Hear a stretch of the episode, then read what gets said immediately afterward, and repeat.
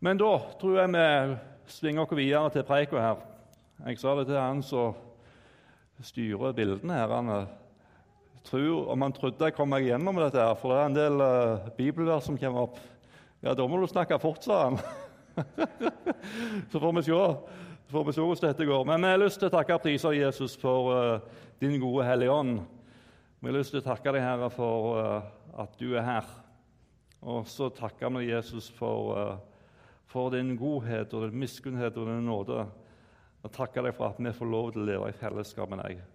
Og nå har jeg bare lyst til å be deg om at du må åpne ordet for oss, sånn at vi ser deg, og at vi kan se oss i lys av ditt ord og der vi virkelig kan få lov til å glede og fryde oss over det du har gjort i vårt liv, Herre Jesus.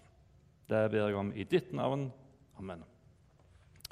Vi er jo et tema for, denne, uh, for noen taler. Nå får du en god pause fra dette temaet her. Nå nærmer vi oss påske. Uh, men vi har hatt noen møter der vi har preikt ut ifra Apostelgjerningen kapittel 9 vers 31 om menigheten hadde nå fred over hele Judea og Galilea og Samaria. Den ble, den ble oppbygget og vandret i Herrens frukt og vokste ved Den hellige ånds hjelp.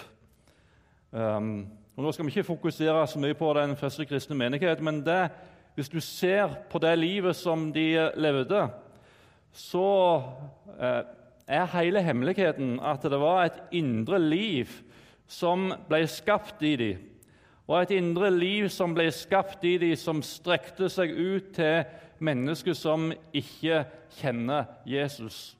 Du skal ikke lese mange versene i apostlenes gjerninger etter pinsefestens dag før at du legger merke med å registrere at det var en indre driv, det var en kjærlighet til mennesker som ikke kjente Jesus, og det var noe som preget hele deres liv. Og I dag skal vi ta et nytt bilde som Bibelen gir oss av Den hellige ånd, som har tatt bolig i oss. Um, og Vi skal ta fra Efeserbrevet kapittel 1 vers 13 først, om at, den, at det skal ikke være noen tvil om at alle som tror på Jesus, har fått Den hellige ånd. I ham har også dere um, da dere hørte i, I ham kom også dere til tro da dere hørte sannhetens ord, evangeliet om deres frelse.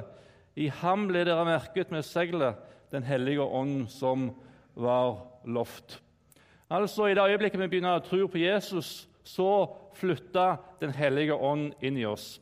Og Samtidig som Den hellige ånd flytta inn i oss, så står det da altså det som er utgangspunktet for denne preika her, fra Romerbrevet kapittel 5 og vers 5. Og håpet skuffer ikke. For Guds kjærlighet er utøst i våre hjerter ved Den hellige ånd, som Han har gitt oss. Det er noen som sier at uh, i kveld eller i dag kan du få en, uh, en berøring av Guds kjærlighet. I dag kan du få en, en uh, Du kan liksom bli, få en liten touch av Guds kjærlighet. Men det er jo ikke det som står her. Det som står her, at i det øyeblikket Den hellige ånd kommer inn i hjertene våre og inn i våre liv, så blir Guds kjærlighet utøst i våre hjerter. Um, og Vi skal si litt mer om det senere. Det uttrykket som er brukt her, det er jo det ordet som blir brukt for Guds kjærlighet, som er Guds agape. Og Det skal vi si litt mer om senere. Den er utøst, uttømt, i våre hjerter ved Den hellige ånd, som Han har gitt oss. Og Det er ganske sterkt, det. Den samme kjærligheten som Gud har til oss. Guds kjærlighet er ikke bare noe som er oppe i himmelen der, som er langt vekke fra oss. Når vi får tro på Jesus og har fått Den hellige ånd, så er Guds kjærlighet planta inn i våre hjerter fullstendig. Og Det er noe så stort at jeg er jo ikke helt rekkevidden av det sjøl.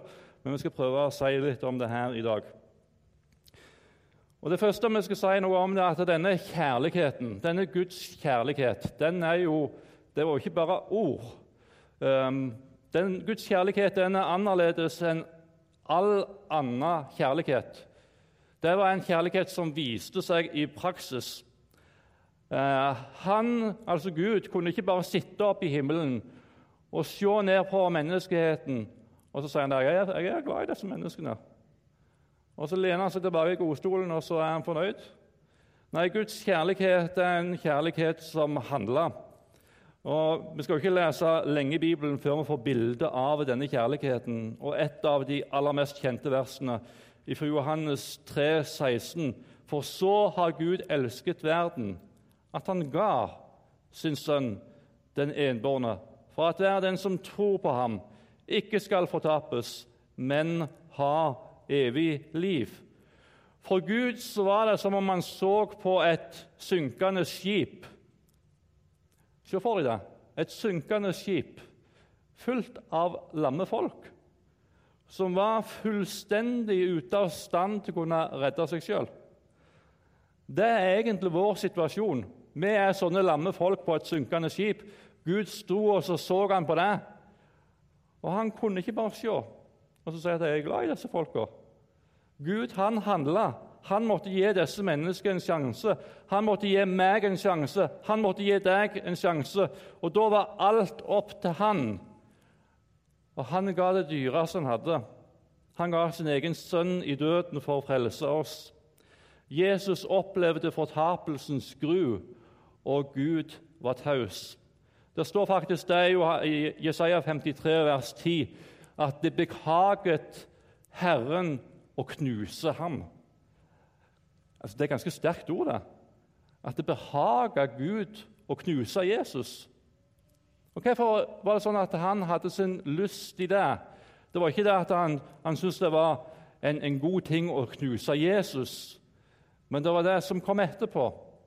Når Jesus ble knust, så ga han meg en sjanse, og så ga han deg en sjanse. Og Jesus han ropte ut der på korset, 'Min Gud, min Gud, hvorfor har du forlatt meg?' Det kosta noe. Det kosta Gud noe å vise sin kjærlighet til oss mennesker.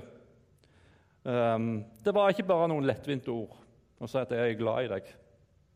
Det kosta noe for Gud.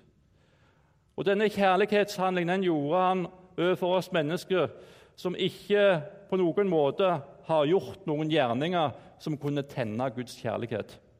Så står det i, eh, i, eh, videre i Romerbrevet kapittel 5, i vers 7 og 8.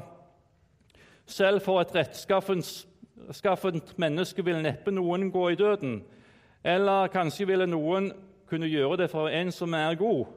Men Gud viser sin kjærlighet til oss ved at Kristus døde for oss mens vi ennå var syndere. Vi hadde ikke gjort noen som helst ting for å kunne vekke og tenne Guds kjærlighet til oss. Det er klart at når jeg traff uh, Margunn, uh, så var det noen ting jeg syntes var tiltalende med henne. og det var sånn for deg du som er gift, som gjorde at du begynte å elske. Når Gud så på, på, på oss, så var det ingen av egenskapene våre som var på en, sånn, på en sånn måte at Guds kjærlighet ble tent imot oss. Gud elska fordi han elska. Gud elska uten at han fant noen grunn i oss. Og Heldigvis var det ikke sånn at han så det oppe i himmelen, og, og så ventet han på ok, skal jeg elske disse menneskene eller ikke? Og Så så han og venta på at de skulle begynne å vise noen tegn til å bevege seg i retning av Gud. Hva er det sånn med Gud? Jeg synes Det er så fantastisk at det står mens vi ennå sto med ryggen imot Gud, mens vi ennå var syndere, så viste Gud sin kjærlighet til oss ved at Kristus døde for oss. Um, og Det er dette Bibelen kaller for agape. Nå skal dere få en sånn definisjon på dette ordet agape. Det er den kjærlighet som strekker seg ut for å vise godhet mot noen som aldeles ikke har fortjent det, og som ikke venter noe godt som gjenytelse, men som bare elsker. Den kjærligheten er det som bor i meg. Og den kjærligheten er det som er tatt bolig i deg. Hvis du har tatt imot Jesus som frelser her i ditt liv, så har du fått Den hellige ånd, og så er Guds agape utøst i ditt hjerte ved Den hellige ånd som Han har gitt oss.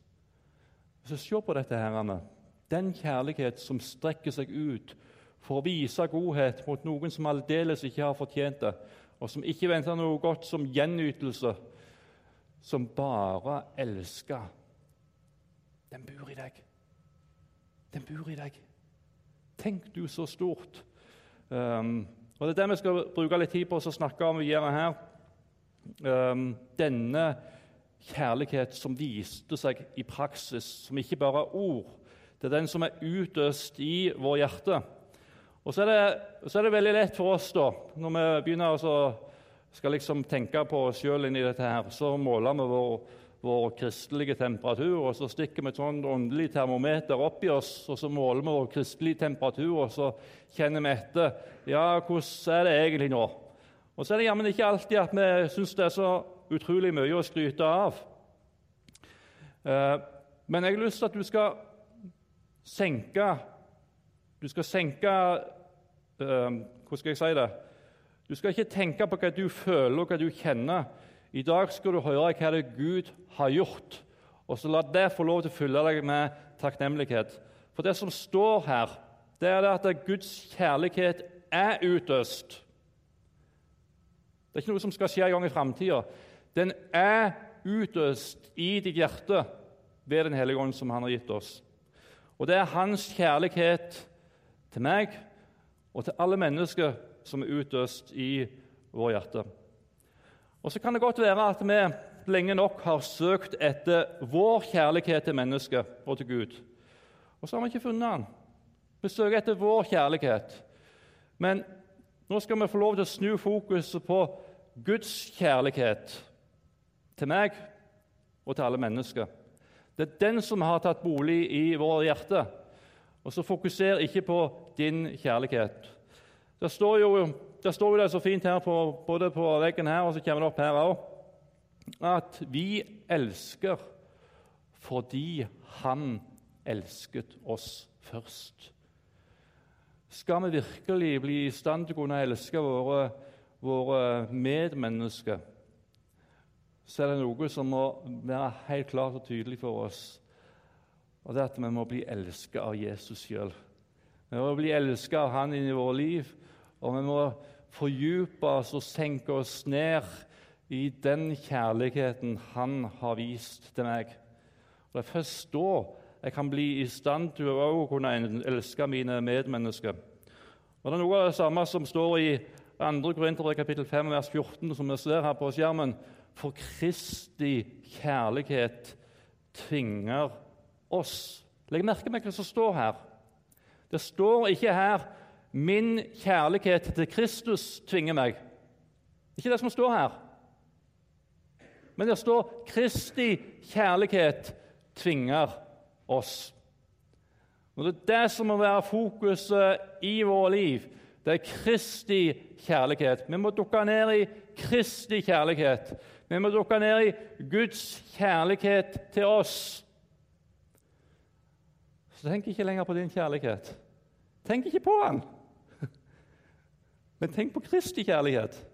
Dukk ned i det. Og la deg virkelig bli overstrømmet av Kristi kjærlighet.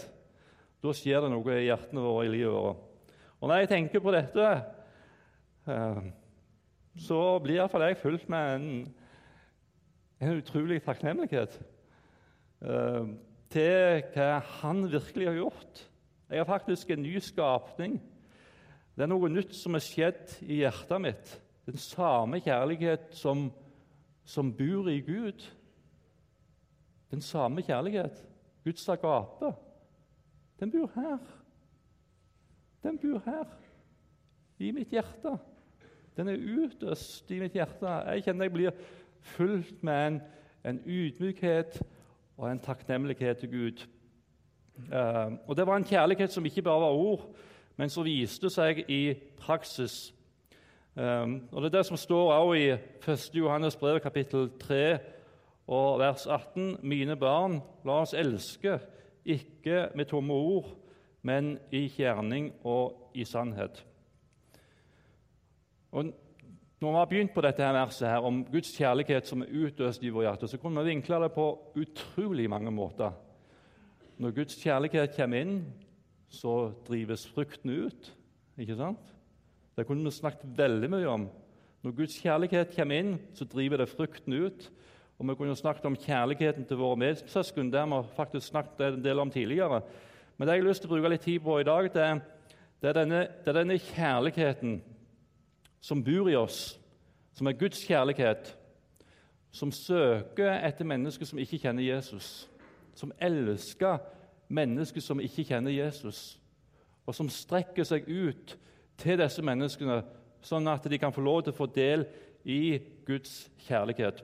Og igjen, jeg kan ikke få sagt det sterkt nok, fokuser ikke på din kjærlighet, men tenk på Guds kjærlighet som bor i deg fullstendig. Um, og Det første jeg har lyst til å si noe om, det er denne kjærligheten, Guds kjærlighet, som elsker alle mennesker.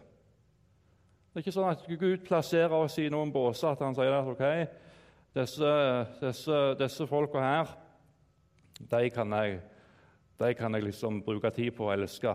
Og så er det noen folk som eh, en tenker som så at ok, disse folka her jeg tenker Det er ikke håp for dem, så jeg trenger ikke bruke tid på dem. Hva står det i Johannes kapittel 12, vers 46? Som lys er jeg kommet til verden, for at ingen som tror på meg, skal bli i mørket. Hvem er verden? Det er alle menneskene. Jesus er kommet som et lys til verden, til alle mennesker som bor på denne jorda. Og så vet du hva jeg syns er utrolig fantastisk? da? At det samme som Jesus sier om seg sjøl, det sier han om oss. Det sier han om meg. Og det sier han om deg. Nå ser vi hva det står i Matteus evangeliet kapittel 5 og vers 14. Dere er verdens lys. Dere er verdens lys. Gud elsker alle mennesker. Han er kommet som et lys til verden. Og så sier han det samme om meg, og så sier han det samme om deg som han sier om seg sjøl. Denne Guds kjærlighet som elsker og som omfavner alle mennesker, det er ikke bare en kjærlighet som er nær i himmelen. Men den kjærlighet har han utøst i alle som tror på han. I meg og i deg. Um, Guds, og så er det sånn med Guds kjærlighet at den ikke bare, den ikke bare omfatter hele verden, og så, og så, går han ut som om han som en sånn stort, eh, stort garn. Men, men, Guds kjærlighet er også sånn at han ser den ene. Han er oppsøkende. Han ser etter det fortapte. Um, bare tenk på historien om, om Sakkeus. Sakkeus som var en overtaler som gjerne ville se Jesus. Um, og Så kommer Jesus gående inn der han, i, uh, i denne byen som Sakkeus bodde i. Og så Sakkeus, som gjerne ville se Jesus, han gikk opp i et, opp i et morbærtre, og så så han der og speida etter Jesus som kom gående for å gå gjennom byen.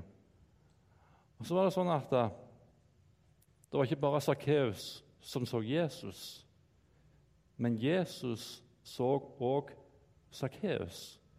Og så henvendte Jesus seg direkte til Sakkeus og sa Sakkeus, i dag må du komme ned i fortreet, for jeg må inn i huset ditt.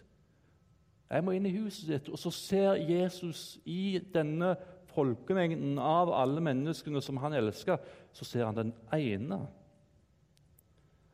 Han er oppsøkende, han ser etter det fortapte, og han ser etter den ene. Og så kommer denne Sakkeus ned og så får Jesus komme inn i både huset hans og hjertet hans, og han blir et nytt menneske. Kvinner ved Sykars brønn. Jesus er godt. Eh, Jesus går gå fra den ene enden av Israel til den andre. Og så sier han jeg måtte. Jeg måtte reise. Han måtte reise gjennom Samaria, står det i Johannes kapittel 4 og vers 4. Um, ehm, og Hvorfor måtte Jesus det? For Jesus ser den ene. Han visste om denne kvinnen som satt der ved Sykars, som kom der ut til denne brønnen, Sykars brønn. Så sender han disiplene av gårde inn i byen. Og Så setter han seg ned og prater med denne kvinnen her. Og så så Jesus den ene kvinnen der. Han var oppsøkende. Han så etter det fortapte, og han så etter den ene. Og Så fikk denne kvinnen lov til å drikke av det levende vannet. Um, og så ble denne kvinna et nytt menneske, og denne byen ble forandra. Denne kjærligheten bor i deg. Altså, det er jo rart å tenke på det, da. men når du leser gjennom alle disse her evangeliene i Det nye testamentet, leser om alt det Jesus gjorde, hans kjærlighet til mennesket, og så tenker jeg som så at vet du hva? Den kjærligheten som viser seg gjennom Jesus sitt liv, den bor her. Den bor her inne. Han har tatt bolig i meg. Guds kjærlighet har tatt bolig i mitt hjerte. Det er ganske det er ganske sterkt. Jeg kjenner jeg blir sånn ydmyk og takknemlig til at uh, hva Gud har gjort for noe virkelig. Han har faktisk putta hele sin kjærlighet inn i meg. Og Det er ganske svær greie. Og så tenker jeg Når, når vi leser om, i, i apostlenes gjerninger leser om, om, om, om, denne mannen Paulus, da, som for rundt der og inn i heimene og slepte ut menn og kvinner for å fengsle dem. Altså, hvis vi hadde vært i den første kristne meningen vi tenkt at ok, hvem er det nå som blir de neste til å bli en kristen, ville vi ha tenkt på Paulus da? Ville vi ha tenkt på Paulus? Men hva er det vi ser med Guds kjærlighet? Guds kjærlighet ser etter den ene. Han ser etter det fortapte. Han ser etter de menneskene som ikke kjenner han. Og hva han gjorde for noe? Hvordan var det denne Paulus fikk en berøring av ikke bare en berøring, men hvordan var det denne Paulus fikk Guds kjærlighet inn i livet sitt? Jo, det var at Gud snakket til Ananias. Og Så ble han sendt av gårde til Paulus. Og så fikk Paulus møte Jesus Kristus. Kanskje er det noen sånne Pauluser rundt i byen her som jeg skal være et redskap for, som du skal være et redskap til at Guds kjærlighet får møte inn i livet deres. Um, og Det neste jeg har lyst til å si noe om, det er at Guds kjærlighet den slår seg ikke til ro. Hva står det i 1. Eh, Timoteus kapittel 2 og vers 4?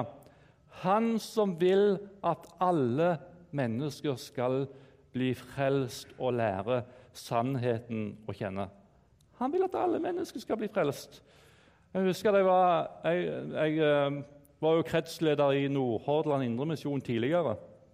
Og Det var en periode det var utrolig mange mennesker som Eller utrolig mange. Det var, det var regelmessig så kom det meldinger inn om at nå er det noen nye som er kommet til tro i arbeidet vårt.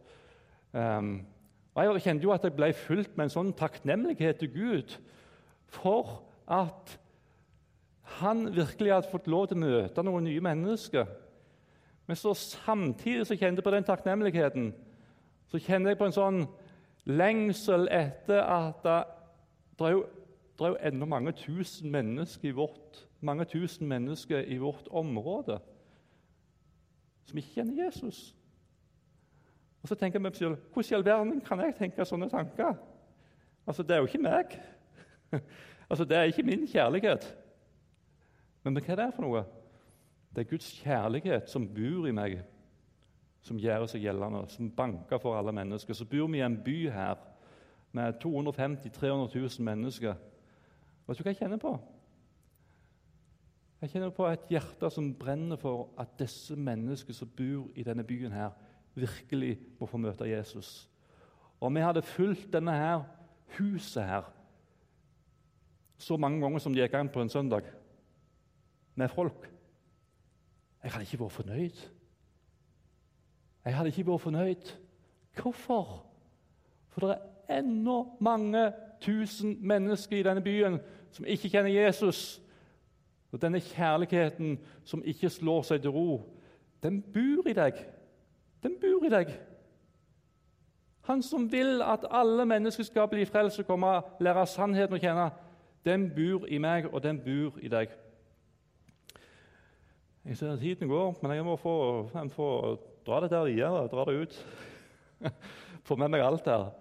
Um, og Denne Guds kjærlighet det ser vi jo tydelig da, med Jesu død på korset. Denne kjærligheten den kosta.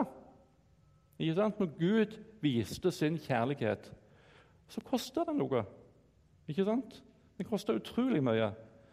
Og Leser vi om den første kristne menighet, så er det ikke noe tvil om at for det at de viste Guds kjærlighet til mennesker, så kosta den utrolig mye for dem.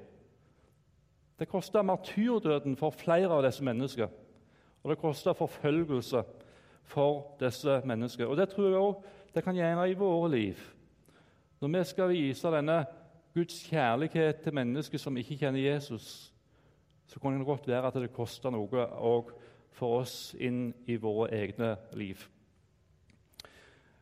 Um, det siste punktet i forhold til hvordan denne kjærligheten kan komme til uttrykk, så vil jeg si noen få ord om agape-lignende gjerninger. Og Hvis vi får opp det sitatet jeg hadde tidligere om agape Det er den kjærlighet som strekker seg ut for å vise godhet på noen som aldeles ikke har fortjent det, og som ikke venter noe godt som gjenytelse, som bare elsker, den bor i alle oss som tror. Hva mener jeg da med agape-lignende gjerninger?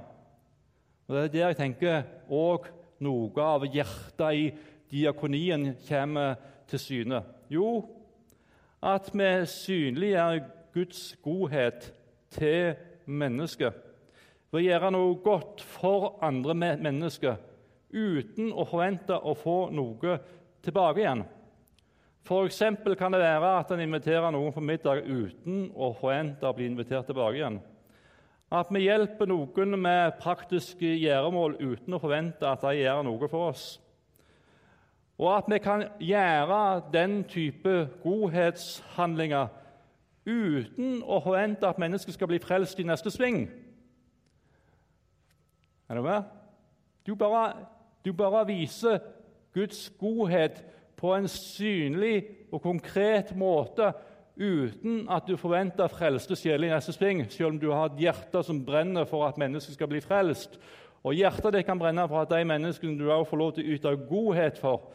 Du kan kjenne et hjerte for at, at de skal få lov til å møte Jesus og få for å bli frelst, men at du gjør disse handlingene uten å forvente å få noe tilbake igjen. Ikke en takk engang. Ikke en takk. Jeg forventer ikke å få en takk engang. Uh, som regel så får du takk, da. og Det er jo fantastisk når du får det. Men tenk å få lov til å vise Guds godhet på en synlig og konkret måte. Altså Når en får lov til å gjøre det overfor mennesker som ikke er i stand til å kunne gjøre noe godt tilbake igjen til deg Vet du hva det fører til inn i vårt eget liv? Det fører til at en blir så utrolig velsigna sjøl. En blir så utrolig velsigna sjøl med å få lov til å vise Guds godhet på en synlig og konkret måte. Her kunne listen ha fortsatt i, i, eh, i eh, det uendelige. Her er det bare for fantasien at en bare får slippe seg løst. Nå må jeg prøve å dra dette her i land. Denne kjærlighet som er utøst i våre hjerter, den bor i alle oss som tror.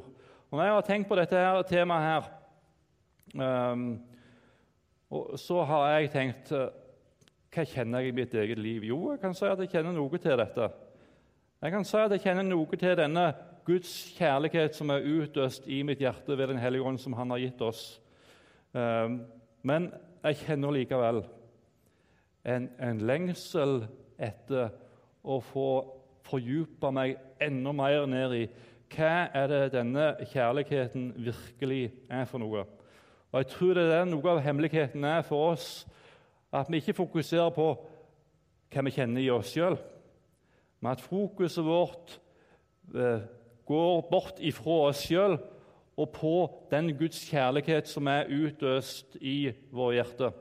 Paulus han sier noe veldig sterkt i Galaterbrevet kapittel 2 og vers 19 og 20. Jeg er korsfestet med Kristus. Jeg lever ikke lenger selv. Han snakker ikke lenger om seg sjøl. Men Kristus lever i meg. Det livet jeg nå lever som menneske av kjøtt og blod, det lever jeg i troen på Guds sønn, som elsket meg og ga seg selv for meg. Ser du hva fokuset hans dreier seg på? Det dreier seg ikke om seg sjøl og sin kjærlighet og sin, alt det han kunne få til å prestere. Men han snakker om? Han snakker om at 'jeg lever ikke lenger sjøl', men det er Kristus som lever i meg. Det livet jeg nå lever som menneske av kjøtt og blod, det lever faktisk i trua på Han som ga seg sjøl for meg, og som elsker meg. Og så er det noen som kan tenke som så at ja, men jeg, jeg, jeg, jeg klarer ikke dette her. Hør hva det står. Du skal ikke klare en ting, du. For hør hva det står i Filippabrevet kapittel 2, vers 13. For det er Gud som er virksom i dere, så dere både vil og gjør det som er etter Guds gode vilje. Så hvis du ikke vil, hva trenger du da? Hva trenger du for noe? Jeg vil ikke. Men hva trenger jeg da hvis jeg ikke vil? Altså, Gamle Adam han vil jo aldri, da. Han er aldri, aldri samarbeidsvillig. Han vil aldri det som Gud vil. Men hva er det da jeg trenger? Jeg trenger Gud. Ser du det? Jeg vil ikke. Jeg trenger Gud.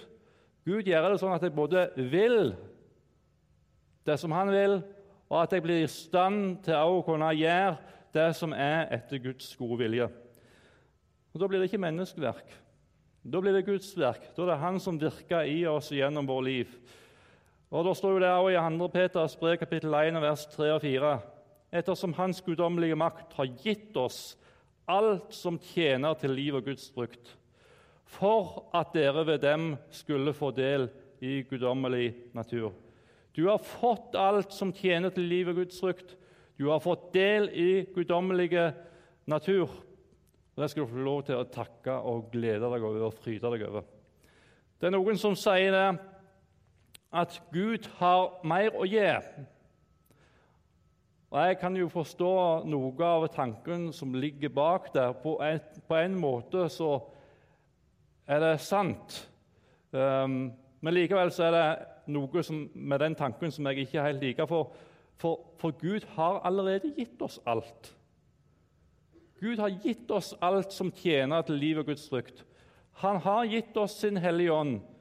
Gud har tatt bolig i vår hjerte. Jesus bor i vår hjerte.